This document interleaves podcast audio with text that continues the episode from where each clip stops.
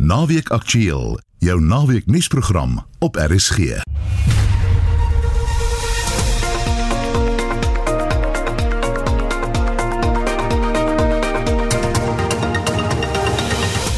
In ons program die voormalige minister van maatskaplike ontwikkeling, Batabeli Dlamini, verkies glo 'n boete bo tronkstraf nadat sy aan myn eet skuldig bevind is. given the fact that someone here is being convicted uh, of this uh, crime is someone who has invoked political cover for that and the court has pierced through that and has said that look we are going to convict you it is a very very strong statement Maar is dit? Ons praat met 'n regskenner. Dis nou 40 jaar sedert die veelbesproke boek Kennis van die aand ontban is. Het nie dink nie een van ons regtig gedink dit gaan werklik eendag 'n Afrikaanse boek tref nie. Om een of ander rede het ons gedink dat ons mag skellings skree op die regering soveel soos ons wil, maar in die ondergrond is ons tog almal Afrikaans. Ons verstaan ons eintlik mekaar.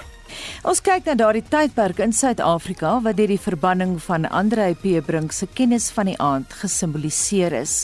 En die Suid-Afrikaanse Inkomste Diens glimlag oor hy meer belastinggeld as verwag ingehoes het. Goeiemôre, ek is Anita Visser.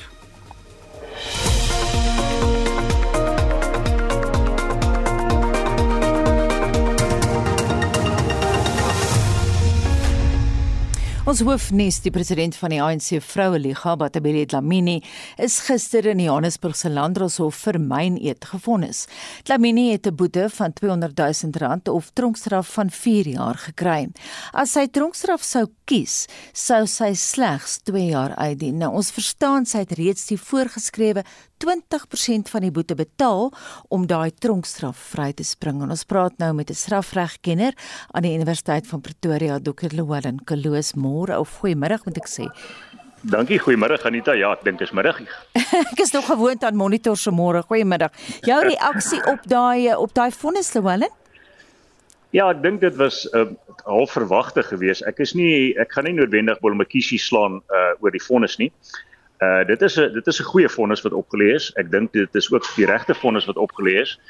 Uh ek het ek het nogal verwag dat tronkstraf uh 'n opsie sou wees naas 'n uh, boetestraf vir die misdaad wat uh, sy aanskuldig bevind is.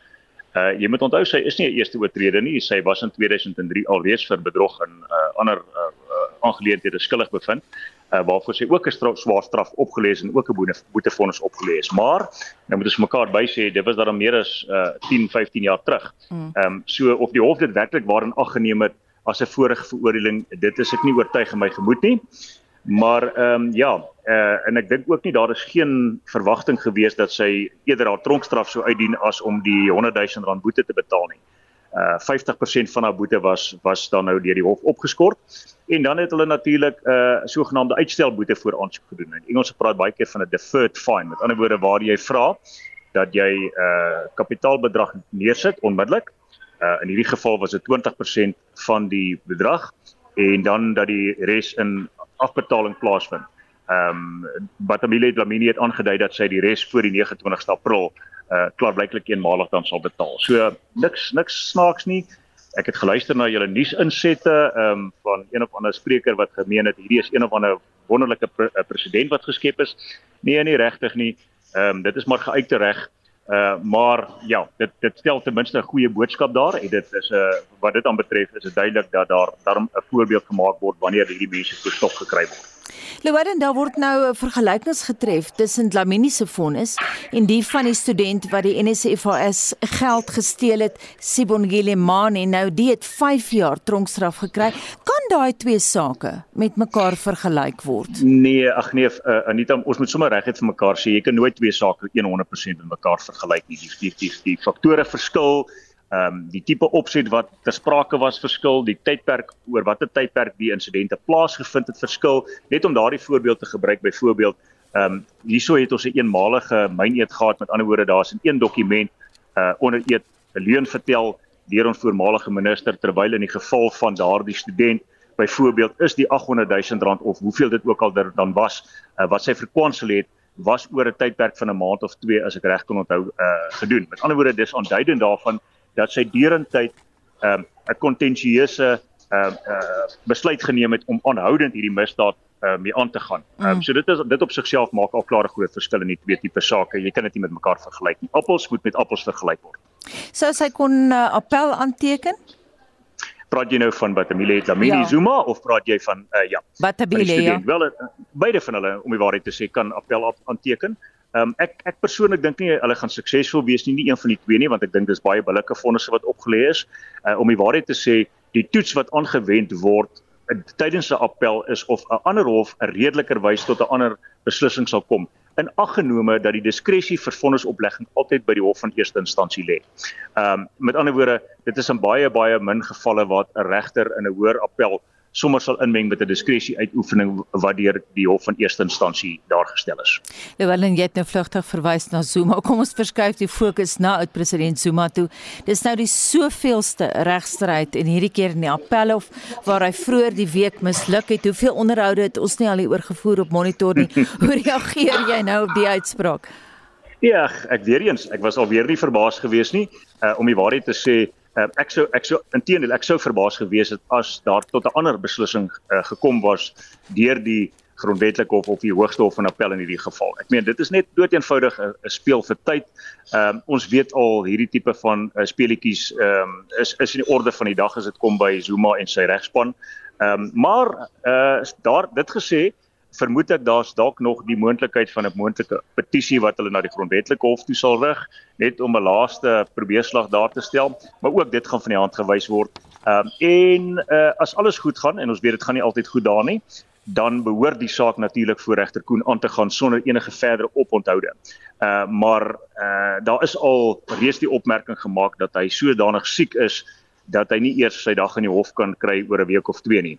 Maar uh ja, hierdie tipe van Stalingrad tegniek so wat ons nou al tot vervelings toe na verwys het, is in die orde van die dag as dit kom by sy vervolging. Maar streng gesproke, ehm um, ja, en ek sê dit weer, as alles goed loop en dit loop nooit goed in sy sake nie, dan behoort die saak aan te gaan op uh, uh, een van die dae in die Hooggeregs op Pietermaritzburg. Baie dankie en so voorspel Dr. Llewellyn Kaloos van die Universiteit van Pretoria. Vandag 4 dekades gelede is die skrywer Andrei P Brink se veelbesproke kennis van die aand ontban. Naweek aktueel het die aanvanklike verbod op die boek en die uiteindelike opheffing daarvan 9 jaar later in die konteks van daardie tyd geplaas. En ek wil dit vir u baie duidelik stel dat daar geen rede tot paniek hoegenaamd is nie. Dat ek op hierdie stadium vir u baie duidelik kan sê dat daar geen rede is om aan te neem dat Suid-Afrika se olievoorraad hoegenaamd afgesny sal word. Veral was 'n mens dankbaar om te sien dat Iran 'n verklaring gemaak het dat hy nie olie as 'n politieke wapen teen die res van die wêreld sal gebruik nie. Hi Casanova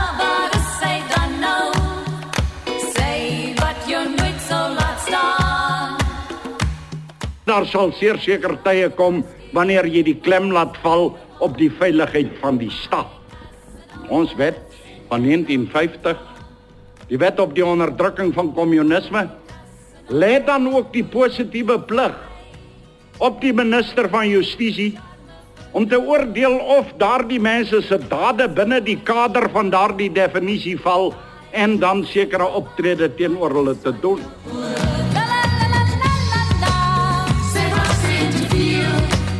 Mense het op 'n manier geweet dit kom, maar terselfdertyd het nie dink nie een van ons regtig gedink dit gaan werklik eendag 'n Afrikaanse boek tref nie. Om een of ander rede het ons gedink dat ons mag skellings skree op die regering soveel soos ons wil, maar in die ondergrond is ons tog almal Afrikaans, ons verstaan ons eintlik mekaar.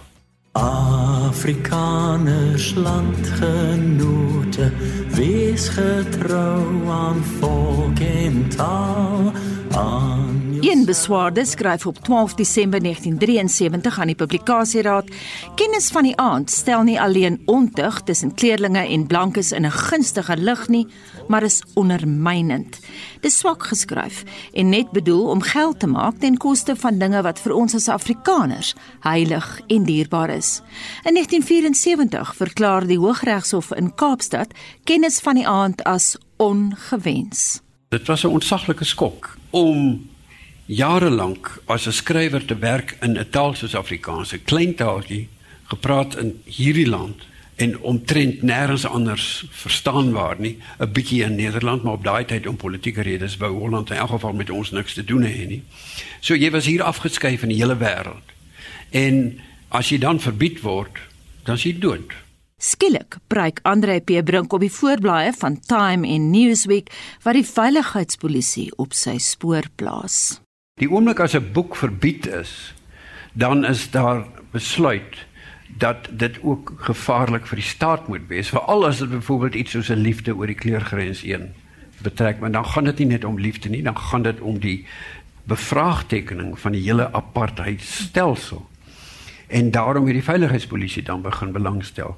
En dit het beteken dat waar mense ook al gegaan het daar altyd een of 'n paar veiligheidspolisie mense op jou spoor was As 'n mens van spionasie praat, dan moet jy definitief ook weet dat daar spionasie op klein dorpies was.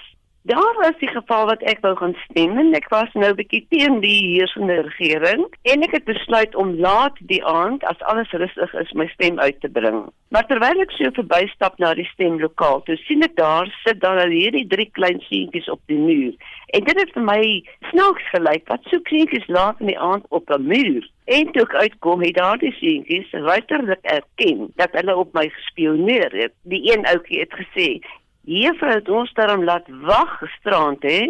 Want my pa het gesê ons moet op daai muur sit en dophou om te sien waar gaan juffrou in. So spionasie was selfs in die plattelandse klein dorpies. So onthou 'n oud onderwyseres van Belfast in Mpumalanga. Intussen bly die veiligheidspolisie op Andrei Brink se spoor, selfs tydens 'n besoek aan die skrywer Abraham de Vries in Durban. En dit het met Bram gebeur dat nadat ons weg is na die vakansie, het die veiligheidspolisie hom ingeroep en die uh, generaal wat ook al met hom gepraat het, het hom by 'n tafel laat sit, die generaal een kant met blommerangskikking in die middel en Bram hier. En dan vra die die man vra nou alles oor die uh, besoekers wat hy gehad het in die loop van die lang gesprek het Bram op sy manier want sonder sy pyp kan 'n mens vir hom nie indink nie. En dan sit hy en dan kap hy sy pyp uit en dan stop hy hom en dan tik hom aan en dan kap hy hom weer uit totdat die en hy het opgemerk maar hy kon nie verstaan waarom nie. Die veiligheidspolisieman oorkant hom word al witter en witter en witter en hy was redelik wit om mee te begin totdat hy later opstaan agter en hy sê my verdomde mikrofoon is in daardie asbak. en dan sê oor kon dit nie meer hou nie. Die oorlog word egter nie net op die letterkunde front geveg nie. Die manne gaan grens toe. Tussen bosse en bome. Tussen grense wag ons almal vir Maar op 18 was ons almal verlore. Hoe kan ons verstaan? In die 1970s in Suid-Afrika was die sensuur baie erg. Kennis van die aand was verban en ons het dit onder die kombers met 'n flitslig gelees as ons dit in die hande kon kry. Dit was natuurlik ook 'n tyd wat jong manne moes diensplig doen. Daar het ons almal die skoop in die hande gekry en al die meisies in die skoop het natuurlik sterre op hulle borste gehad. Dit het die jong manne baie verwar oor die vroulike anatomie. Roep jy na my? Roep jy my terug na die kaplyn my vriend?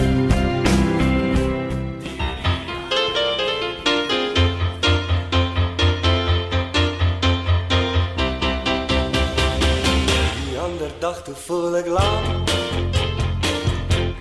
Maar Boetie is nie meer lus om border toe te gaan nie en die mense tuis minder lus vir die groot krokodil se gepreek. Met sy vingere in die lug. Net ons terug. In die programme en die lug. Sien jy net PW se gesig. 'n Nuwe politieke era in Februarie 1990 beteken 'n koersverandering op verskeie vlakke.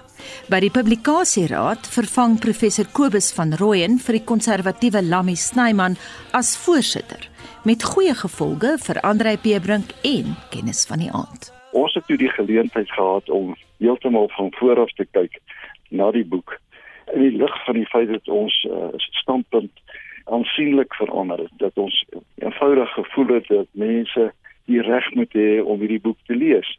Die interessante is hoor see het hierdie boek ontsettende goeie kritiek gekry. Hier by ons was daar ook 'n standpunt dat dit baie goed is, maar uh, die konservatiewe letterkundiges het dit afgeskiet as swak letterkunde. Maar die toets was nooit gewees of dit letterkundig goed is nie. Die toets is of dit werklik skadelik sou wees om hierdie boek te lees. Almal sê mense lees hom maklik. Dis 'n swaar boek om te lees. Dis 'n stadige boek wat die storie vertel van hierdie persoon met sy verhouding met die wit vrou, met sy probleme met die polisie, op die einde pleeg hy 'n moord en terwyl hy die moord afwagtend is vir sy uh, ophang, skryf hy hierdie verhaal van swaar kry en natuurlik vir daardie tyd wat hierdie boek geskryf is deur Andre Brink was dit taboe hierdie tipe aanval eintlik op die hele beleid van die regering. Ons het met nuwe oë gekyk en 'n meerderheidsstem by die appelraad oor publikasies na 'n verhoor wat ons gehad het, het ons dit ontban ontperk. Die wonderlike gedagte is ons letterkunde is vry. En dit dan professor Kobus van Rooyen, voormalige voorsitter van die Appelraad oor publikasies. Nou die onderhoud met Andre P Brink is gevoer deur Ruda Landman tydens die 2009 Woordfees op Stellenbosch en die klank is vir ons opgespoor deur Karen de Tooy en die insetsel is tegnies versorg deur Danny Boysen. Die kommissaris van die Suid-Afrikaanse Inkomste Diens, Edward Kieswetter, het gister die voorlopige belastinginvorderingssyfer vir die 2021-2022 finansiële jaar bekend gemaak. Nou die diens is breëbors oor 'n netto syfer van meer as luister hier na 1500 miljard rand. En ons praat nou met Anton Fischer, 'n woordvoerder van die diens daaroor. Goeiemôre Anton of goeiemiddag. Goeiemiddag Anita, hoe gaan dit? Goed. Wel, dit gaan sekerlik nie met my so goed soos met jou nie. Hoe het jy dit reg gekry, Anton? Ehm um, Anita, eerstens natuurlik is dit 'n groot prestasie, maar ehm um, kyk ons uh, dit is ook te wyte aan die belastingbetalers wat uh, elke jaar hulle belastingpligte nakom. En ons is baie dankbaar aan sulke belastingbetalers want so dit's eintlik maar hulle prestasie. Hulle is die persone wat elke jaar geld, you know, ehm um, die geld betaal. Mhm, mm ten spyte van die gemore oor dienslewering ensovoorts, maar Anton, regtig vraag, is daar ruimte nog vir verbetering? Hoe gaan julle volgende jaar lyk? Uh, Anita kyk, ehm um, daar is stappe wat ons doen om in in die eerste plek meer effektief te werk ehm um, te gaan. Met ander woorde ons poog om 'n beter diens te lewer byvoorbeeld ehm um, 90% van terugbetalings dis nou refunds in Engels terugbetalings geskied binne 72 ure. Dis nommer 1 so dit gaan oor dienslewering reg? Die tweede punt is ehm um, 'n beginselspunt dat ons poog om dit so moontlik te maak vir belastingbetalers om hulle pligte na te kom. Byvoorbeeld e-filing, die digitale platforms wat ons geskep het. Ehm um, maar dan is daar ook 'n nog 'n belangrike punt en dit is dat ons beskerm met alle mag die belastingbetaler belastingbetaler se inligting. Mm. Julle is seker bekend met die luisteraars is seker bekend met die Zuma saak. Mm.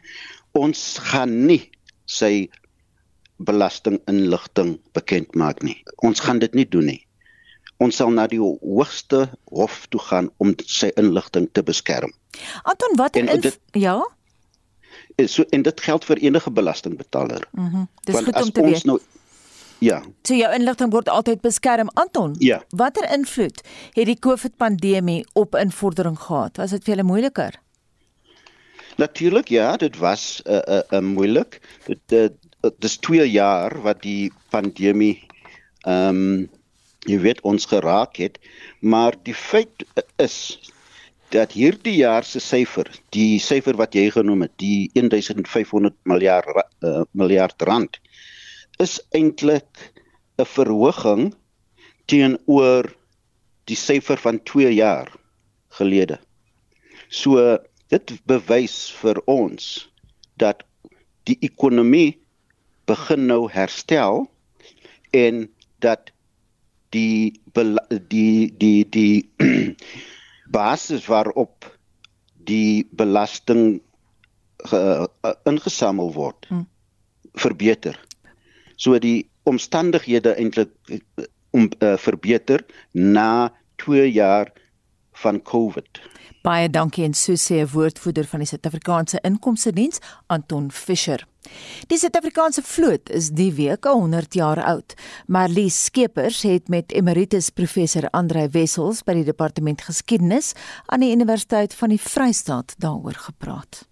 Toe die Unie van Suid-Afrika in 1910 tot stand gekom het, was daar nog geen weermag nie. Die Unie verdedigingsmagte het eers in 1912 tot stand gekom, maar nog geen vloot nie. Maar generaal Smuts het baie sterk daaroor gevoel dat Suid-Afrika sy eie vlootmag moes gehad het. En danksy sy inisiatiewe plus natuurlik 'n paar ander persone het die Suid-Afrikaanse See Diens toe op 1 April 1922 tot stand gekom. Die vloot se deelname aan die Tweede Wêreldoorlog was maar een van verskeie hoogtepunte sedert die vloot se ontstaan. As 'n mens byvoorbeeld daaraan dink dat op die vooraand van die oorlog hier die Suid-Afrikaanse See Diens eintlik maar nog net 'n naam bestaan. Aanvanklik het hulle net een klein hidrografiese opnameskip gehad en twee mynveers, maar daardie skepe is tydens die Groot Depressie van 1929-35 is hulle 1933-34 aan diens onttrek en die See Diens het dus die 1939 geen oorlogskepe gehad nie en slegs 'n handjievol matrose. Die Suid-Afrikaanse See Diens is omskep in die verdedigingsmag ter see wat toe in 1942 die Suid-Afrikaanse vlootmagte geword het. Tydens die oorlog het die skepe van die Suid-Afrikaanse vlootmagte ons kuste gepatrolleer, hoofsaaklik met klein walvisjagters en visstreilers wat of in mynveers of in teenduikbootvaartuie omskep is. Van hierdie klein vaartuie het inderdaad ook in die Middellandse See diens gedoen. Daar was ook die bergingsskip, die Gamtoos gewees. En teen die einde van 1944 en begin 1945 het ons die eerste keer niks sit groot tussen aanhalingstekens ons eerste groot oorlogskepe ontvang, naamlik 3 logklas fregatte, die Good Hope, die Natal en die Transvaal. En in Natal het inderdaad ook in die verre ooste die laaste 'n kort rukkie van die einde van die oorlog teen Japan ook daarso diens gedoen. Die oorhandiging van een van die land se bekendste vlootbasisse was ook 'n hoogtepunt. Op 1 April 19, 1957 is die Simonstad se vlootbasis wat tot tot daai stadium nog steeds deel was van die Britse vloot, die Royal Navy, is daardie vlootbasis aan die Suid-Afrikaanse vloot oorhandig. Die vloot is later met duikbote en missielaanvalsvaartuie aangevul. Nog 'n hoogtepunt myns insiens is die aanskaffing van ons eerste duikbote, die daarstel van 'n duikbootdiens en die indienstelling van 3 Daphne klas duikbote in 1970 en 1971. Die aanskaf van missieldraande aanvalsvaartuie het die Suid-Afrikaanse vloot gebring na die missielera van 1977 tot 1986 is daar 9 missieldraande aanvalsvaartuie aangeskaf. En dan as ons kyk na die meer resente geskiedenis vanaf 2006 tot 2008 is 3 nuwe fregatte en 3 nuwe duikbote in diens gestel. So dit is baie baie kortliks net 'n paar hoogtepunte in die geskiedenis van die Suid-Afrikaanse vloot. Dit was professor Andrei Wessels, verbonde aan die departement van geskiedenis aan die Universiteit van die Vrystaat. Ek is Marlie Skeepers vir SAK nuus. Welkom by Naweek Aktueel dis 1227. Die minister van vervoer, Fikile Mbalula, het die sperdatum vir motoriste om hulle rybewyse te hernie tot 15 April verleng. Alle leerlinglisensies, rybewyse, tydelike lisensies en professionele bestuurspermitte wat op 31 Maart sou verval, bly nog 2 weke geldig. En ons praat met die organisasie teen belastingmisbruik Alta se hoof van regsaake advokaat Stefanie Fik. Goeiemôre Stefanie. Goeiemôre. Stefanie, gaan daai 2 weke help? Ek wil gaan dit in twee fases antwoord. Aan die een kant wil ek sê ek ek dink mense moet dankbaar wees vir die klein goedjies in in in in in in, in kom ons wees dankbaar dat daar nou weet vir 2 weke ehm um, grasieperiode gegee het na die en ek dink dat die minister soort van geluister het. Hy was het soveel keer gesê hy gaan nie hierdie datum verleng nie en daar het hy dit gedoen. So ek wil amper sê, ehm um, dankie hy het geluister. Is dit genoeg? Nee. Ek dink nie ehm um, hierdie 2 weke gaan genoeg wees om die absolute agterstand wat daar is met die bestuurderslisensiekaarte om dit in te haal nie. Ek dink net as jy gaan kyk na die na die syfers, is dit nie moontlik nie en is 'n 2 weke is ook nie genoeg om net al die probleme wat daar is en en, en daar's daar's nog verskeie administratiewe eh, administratiewe probleme om dit uit te sorteer nie. Wat wel mense hart warm maak is in in in, in ek sê nou warm maak met met half tong in die kies is dat die minister het aanduiding gegee dat hy nou wel sy departement opdrag gegee het om navorsing te doen oor hierdie 5 tot 10 jaar met ander woorde om die verval ehm um, dat jou lisensiekaart met ander woorde geldig is vir 10 jaar in plaas van 5 jaar. Hmm. Wat sou julle wou hê? Jy sê 2 weke is te min. Ek dink ek ek dink ons moet ophou praat oor 'n vervaldatum of nie. Ek dink ons moet nou uh, die, die die departement moet nou daadwerklik aandag gee aan moet ons nie dalk hierdie die die die datum verleng van 5 jaar na 10 jaar nie want dadelik gaan daar mense wees wat kan asemhaal want dit is nie nou meer so 'n krisis nie en tweedens maak nie saak wanneer eh, die datum wat afgekondig is deur die minister nie gaan die die die ehm um, ons ons uh, gaan nie metro metro polisie gaan hulle dit enforce. Met ander woorde, gaan hulle vir mense boetes gee vir ek wil amper sê, um, iets belaglik soos jou lisensiekaart het verval in omstandighede waar dit is as gevolg van 'n stelsel wat nie die motoriste se skuld is nie. En ek praat nou van mense wat regtig uit hulle pad uit gegaan het mm. om te probeer om wetsgehoorsaamde burgers te wees. Baie dankie en so sê advokaat Stefanie Fik, sy is hoof van regsaake by die organisasie teen belastingmisbruik, oftewel Alta.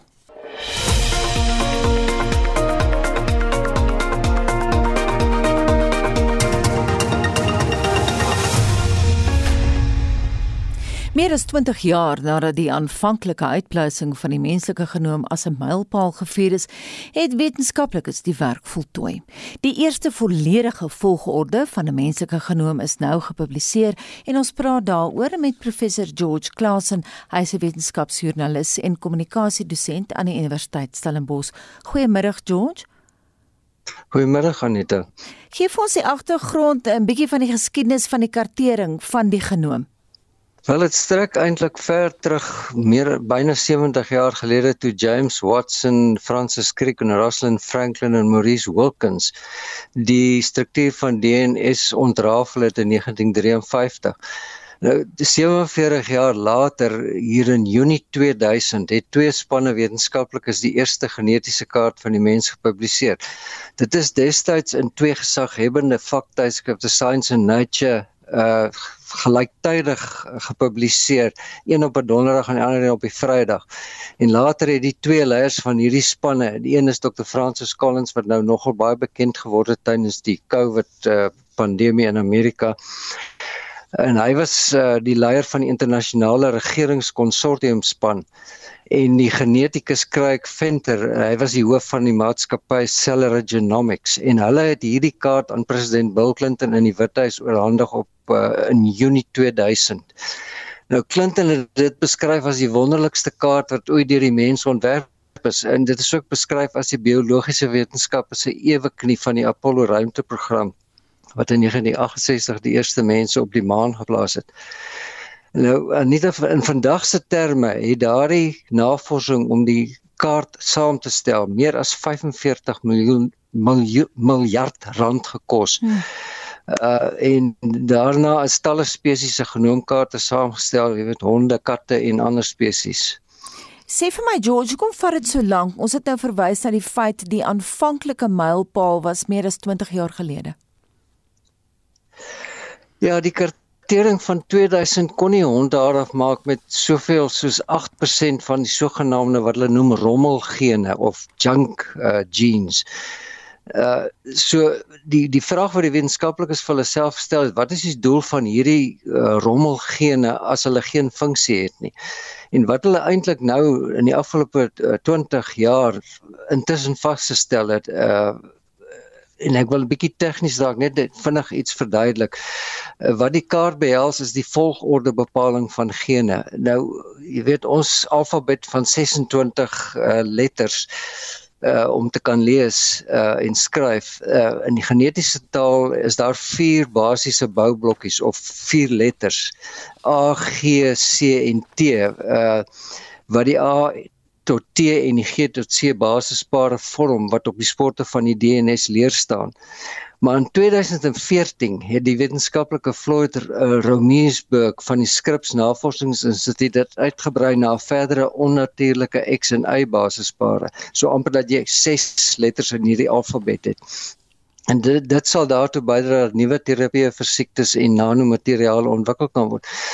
Nou hierdie alfabet vorm kodewoorde wat aminosure, die boublokke van proteïene beskryf. Maar die progressie vanaf 2000 het baie belangrike bevindinge gemaak. Byvoorbeeld uh en dis baie interessant die verstommende ontdekking deur genetici van die Max Planck Instituut uh in München dat die menslike spesies se vermenging met Neanderthals bygedra het tot tussen 1 en 4% van die genoom van moderne inwoners wat nie 'n onlangse oorsprong uit Afrika het nie.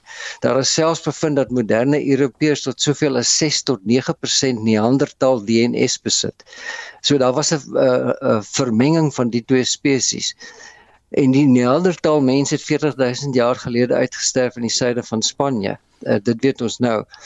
Waarom 'n tweede dekades geneem het om tot by hierdie punt uit te kom is dat moderne geautomatiseerde tegnologie die volgorde bepaling en die Engelse noem dit gene sequensie mm -hmm. of geen sekwensie. Uh baie goedkoper en vinniger gemaak. En vandag kan wetenskaplikes tot soveel as 3000 volle genome per week se volgorde in die genetiese alfabet bepaal. So dit is dit het tyd gevat om by hierdie punt uit te kom. Baie dankie en soos die professor George Claassen, hy is 'n wetenskapsjoernalis en kommunikasiedosent aan die Universiteit Stellenbosch. Vandag presies 40 jaar gelede land Argentynse soldate op die Malvinas Falkland Eilandgroep 480 km van Patagonië, Argentinië se suidelike kuslyn. Daarna volg 'n militêre konflik wat 74 dae lank duur. Naweek Aktueel vertel vandag weer daardie verhaal met klank uit die SAIK se argief. We didn't really have very much warning. Were you in any personal danger? I suppose so. There were plenty of bullets flying around. Why are you now in Europe? Why didn't you stay in the Falklands? Um, well, we, we, were kicked out by the Argentines. We were thought to be uh, undesirables, and they packed us off back home.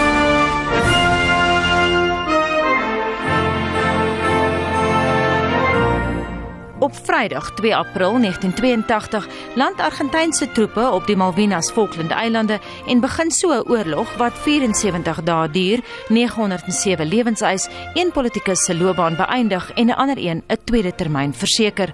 Boonop betrek dit verskeie internasionale rolspelers. Those young men aren't fighting for mere real estate. They fight for a cause for the belief that armed aggression must not be allowed to succeed and the people must participate in the decisions of government.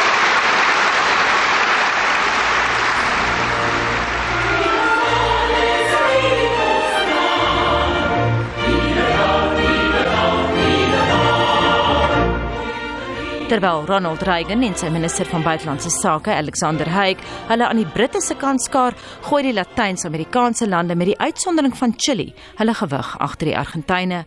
Maar 2 April het 'n lang aanloop van kolonialisering wat reeds in 1764 begin toe die Franse hulle vlag naby die Barkley Sound kus insteek en die gebied die Ile Malouine doop. Die Spanjaarde, Britte en Argentyne sou om die beurt die eilandgroep eis. Maar 1982 se probleme begin ironies genoeg nie eers op die Falkland Malvinas nie. 'n Groep Argentynse skrootwerwers en seesoldate hys reeds op 19 Maart die Argentynse vlag op die Georgia Eilande in die Suid-Atlantiese Oseaan. Skote word afgevuur en op 31 Maart berig die Britse vlootattaché in Buenos Aires dat die ganse Argentynse vloot ontplooi is.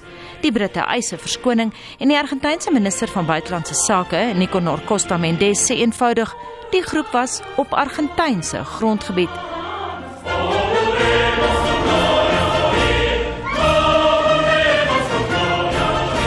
En dit is waaroor die debat tot vandag toe nog voortwoed. Just looking at the map, there is an obvious explanation. Basically, when you have an island that is 400 kilometers from the continent, you need to discuss that, the sovereignty issue. If you don't look at that, no other discussion is profitable.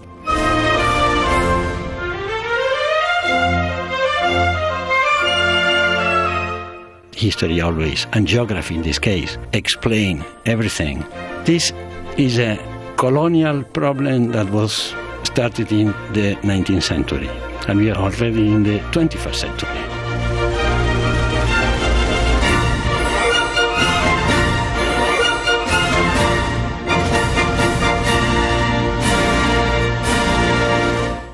Die Britte voel anders en Margaret Thatcher sit haar voet neer. I don't think there's anything more I can do. As you know, we made up our own terms and published them. They were quite clear about how far we were prepared to go to avoid a conflict and avoid loss of life. Everything but everything has been turned down.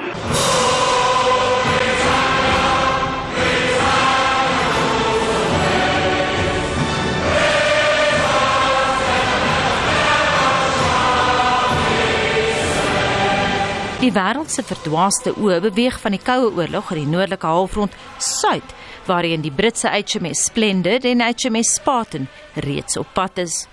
Op diplomatieke front word daar geskarrel.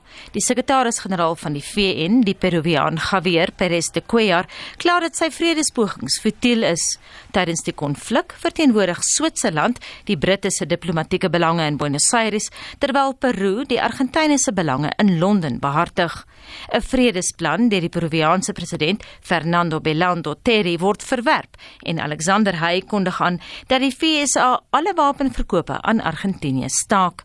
Die Argentynse minister van buitelandse sake, Nicanor Costa Mendes, is ontevrede. They should be asked to abstain from any act that can aggravate the situation. And even more, they should refrain from giving material help to the extracontinental aggressor. Die Amerika se Big Brother verskaf nou duikboot opspoorstelsels en missiele aan Brittanje terwyl die Franse die Britse Harrier vlieëniers oplei oor hoe om die Argentynë in die lug baas te raak. Did you hit that helicopter? We hit it with at least 500 rounds, I would say. And what happened to it? Badly damaged. Somehow managed to scrape its way to the other side of the bay with smoke trailing all the way behind it. Beide kante veg 'n taai stryd. Die Amerikaanse vloot glo 'n suksesvolle Britse teenaanval is 'n militêre onmoontlikheid. Die Britte het slegs 42 vegvliegtuie teenoor die Argentynë se 122, terwyl die Argentynë egter sukkel met 'n tekort aan diensbare vliegvelde op die Malvinas en dus hulle lugaanvalle vanuit die Suid-Amerikaanse kontinent moet loods. Op 2 Mei sink die HMS Conqueror, die Argentynse gevegskip Belgrano, wat 323 lewens eis en die Britte 'n strategiese voorsprong gee. Die Britse en Argentynse media veg hulle eie klein propagandaoorlog. Die Argentynse tydskrif Tal Cual beeld Thatcher uit met 'n oogklap en die beskuldiging seerower, heks en moordenaar, terwyl die Britse poniekoerant The Sun kruiraad vir Leopoldo Galtieri se militêre regime het. Stick it up, your junta. 13 Junie is die keerpunt wanneer die Britte Port Stanley terugvat. Michael Nicholson berig. We can see the tiny dots of Argentine troops running from their positions, throwing down their guns, running out of our sight down the slopes on the other side. That was Stanley.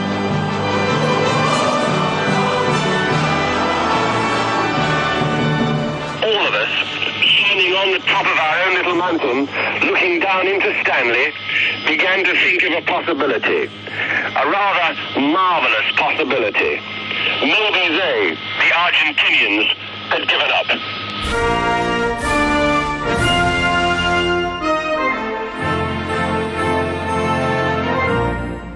649 Argentynë, 255 Britte en 3 Falkland-eilanders sterf. They died, but others may live in freedom and justice.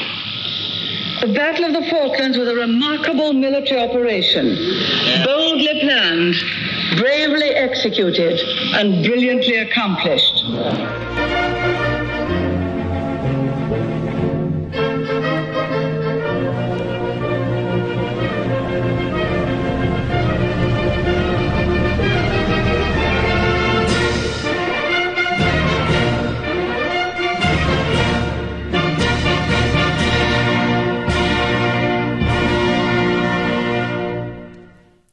Die stem van die voormalige Argentynse ambassadeur in Pretoria, Carlos Cersale di Cersano, is ook in die insetsel gehoor. Die materiaal is met die hulp van Karen de Tooy van die SAIK se argief opgespoor en die insetsel is tegnies versorg deur Danny Boysen. Naweek Aktueel het gaan uitvind hoe die verhouding tussen Buenos Aires en Londen vandag daar uitsien. Die Argentynse ambassadeur in Pretoria, Claudio Perez Palladino, het die klem geplaas op sy spyt oor die lewensverlies aan beide kante. What is more important in life is people. All the other things are uh, relative. For us, the main axis is recognition and the homage of our people, the Argentinian people, to the fallen not only for the Argentinian fallen, you know, for all the people that unfortunately died. Really, uh, what is more important is that the, homage to all these people that fight in this conflict, never mind if they are from my country or for the United Kingdom. 'n Sentiment wat sy kollega, die huidige Britse hoofkommissaris in Suid-Afrika, Anthony Philipson, met sekere voorbehoude deel. I think as we look back at the conflict, we certainly regret the loss of life on both sides, including 255 UK casualties, 649 on the Argentinian side, and three Falkland Islanders. And we regret that. But it was a necessary action that we took to assert the right of the Falkland Islands to choose their own destination, their own sovereignty. We only did it after there had been a UN Security Council resolution demanding Argentine forces to withdraw from the islands. So we took the decision reluctantly but decisively. 40 years on, we continue to be focused on supporting the interests and the wishes of the Falkland Islanders. They have decided to remain a part of the UK overseas territories. They are focused on creating a modern, diverse community for themselves, and we want to support them in that. Ambassadeur Perez Palladino sê alhoewel die Argentynse junta onder die diktator Leopoldo Galtieri die Malvinas Falklandeilande op 2 April ingeval het, strek die geskil terug na 1833 toe. The island were taken by the British in uh, 1833 and from those days we have been always claiming for the returning of this island to Argentina But all of this was in the diplomatic ways through United Nations. They call us, both countries, to negotiate to find a peaceful solution, taking into account the interests of the islanders. Die Britse regering sê die eilanders wil Brits wees, maar sê die Argentynse ambassadeur, die Malvinas eilanders was nie altyd Brits gesind nie. Trouwens, hulle was Argentyne wat deur die Engelse verjaag is. In 1833, the Argentinian population was replaced by a British one. Argentinian population was taken out of the place, and this is the fact. Nietemin is die fokus nou op vriendskap, sê die Britse hoofkommissaris in Pretoria. We want to have a strong positive relationship with Buenos Aires. We want to continue to build a strong progressive, forward-looking relationship with our Argentinian colleagues on issues like climate change, of course, tackling the COVID pandemic, where we've worked together on developing the AstraZeneca vaccine in Argentina. So, you know, we look back with regret at the loss of life, but it was a necessary action and now we want to look forward confidently together. Trouwens, Philipson sê die Britte en hulle Argentynse kollegas is einde Junie vanjaar die gesamentlike gasheere van 'n LGBT-konferensie in Londen. We are co-chairing a very important conference this year that we will host called Safe to Be Me, so we want to work on that. We are currently uh, co-chairs of the Equal Rights Commission, so we want to work together on these shared priorities. Obviously, what has happened in the past is a factor in our relationship, of course, but we want to look forward confidently together. Vir ambassadeur Perez Palladino is die pad vorentoe vir Buenos Aires en Londen geskoei op samewerking. We had very good relations along the time. less this period that is not related with our tradition. The British people, they are one of our main foreign communities. As you know, Argentina is always related with sports. It could be football, it could be polo, it could be rugby, it could be yachting. Well, most of the sports were developed in the time related with the British community that arrived to Argentina. Our people, they are related. The relation between both countries, both governments, and especially both people, it is really uh, good along the time, never mind of this problem of the war. En die finale woord daar aan die Argentynse ambassadeur in Pretoria, Claudio Perez Palladino.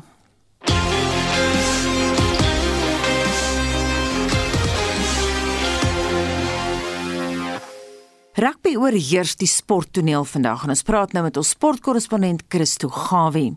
Christo, dit lyk my die Sharks slag die Dragons om hulle veldtog weer op koers te kry. Die Sharks het hulle Verenigde Rugby Kampioenskapsveld tog gisteraand in Durban met 'n oorwinning van 51-3 laat herleef. Dit is presies wat Sharks ondersteuners wou hê en ook sien na 'n swak vertoning teen Edinburgh verlede naweek met 'n rustyd voorsprong van 23-3 was dit 'n goeie weerspieëling van die wedstryd, maar die 3 van Werner Kok in die tweede helfte sal baie lank onthou word. Ook in gisteraand se Verenigde Rugby Kampioenskapskragmeting tussen Glasgow Warriors en Zebra Vry het Warriors geseëvier met 'n oorwinning van 42-12. Daar's nog heelwat rugby om na uit te sien en dis nog vandag, né? Nee? Om 1 namiddag vandag pak Benetton Rugby en Connect mekaar. Die Bulls kom teen Ulster om 2 namiddag op Loftus Versveld te staan. Die Lions meet kragte teen Edinburgh op Emirates Park hier in Johannesburg vanmiddag skuins na 4 en dis 'n wedstryd wat die Lions sal moet klaarkom sonder hulle kaptein Burger Odendaal en ook Jaco Visagi as hulle vervang word as gevolg van COVID-19 protokol. Odendaal word dan vervang deur Manny Ras en JP Botha kom dan in vir Visagi en net na 6 vanaand kom die Stormers teen Ospreys in Kaapstad te staan. En komende naweek is daar ook varsity aksie om dop te hou. Ja, daar's natuurlik lekker varsity rugby om na uit te sien maandag agtermiddag wanneer IWK teen die Universiteit van Johannesburg in Kaapstad om 5 namiddag afskop.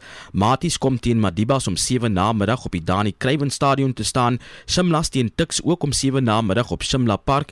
Noordwes Universiteit teen die Vrystaatse Universiteit van Tegnologie om 7 namiddag in die Vrystaat en Wits teen Aitjies om 7 namiddag in Johannesburg. En dit was ons sportmedewerker, Christo Gawie.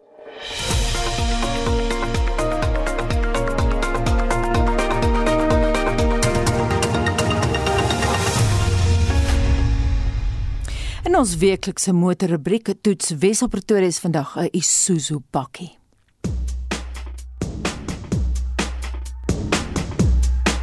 Ek het vir oulaas kans gehad om Isuzu se D-Max X-Rider dubbelkajuitbakkie te ry.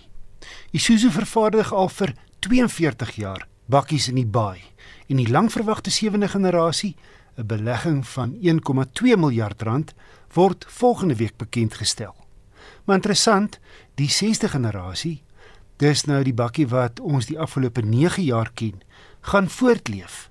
Soos in Toyota se geval met die Corolla en goedkoper Corolla Quest, gaan die 6de generasie Isuzu D-Max steeds in werkeselgewaad vervaardig word enkel en dubbelkajuite vir die plaaslike mark as ook linker en regter stuurmodelle vir die res van Afrika.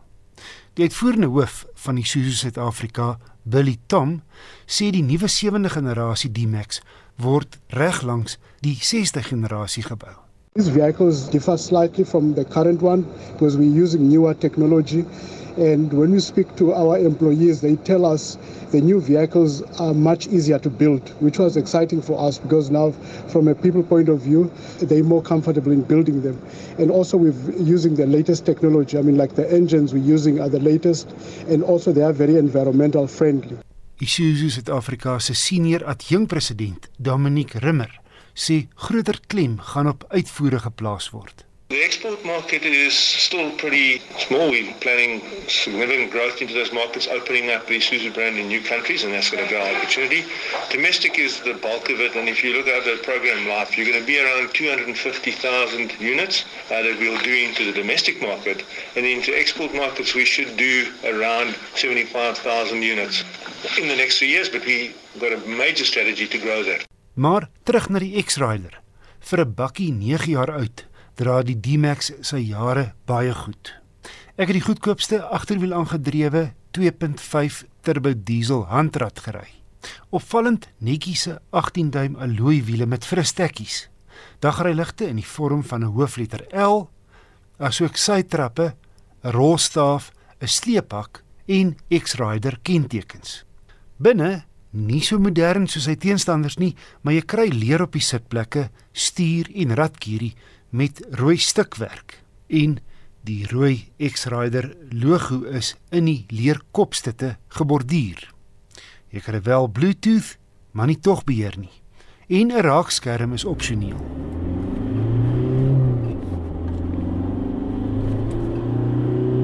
Die X-Rider 2.5 turbo diesel is grower en meer lawaaierig as sy teenstanders teen luier en laaspoed, hoewel hy heel beskaafd op die oop pad loop.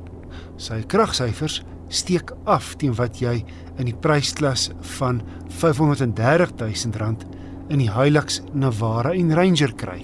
Met 100 kW en 320 Nm is die Isuzu se kraglewering bloot voldoende.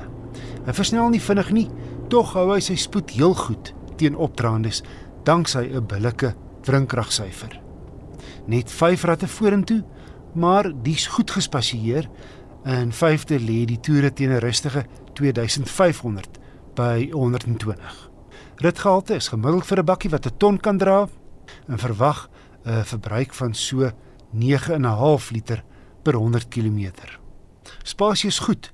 Ek is 'n lang ou pas maklik agter myself in.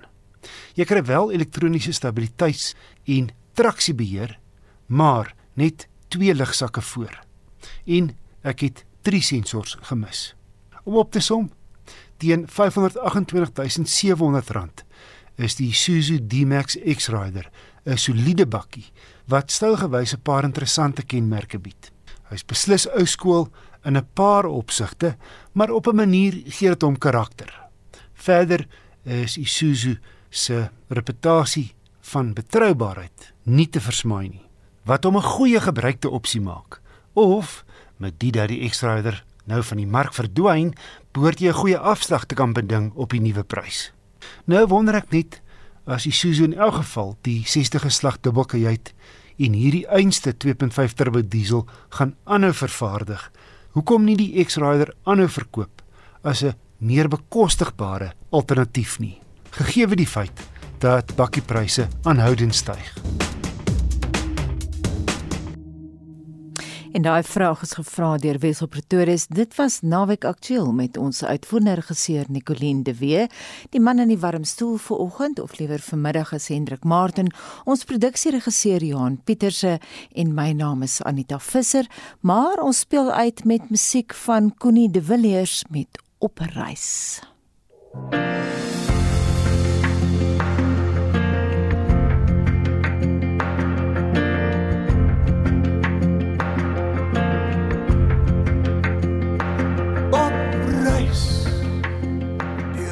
not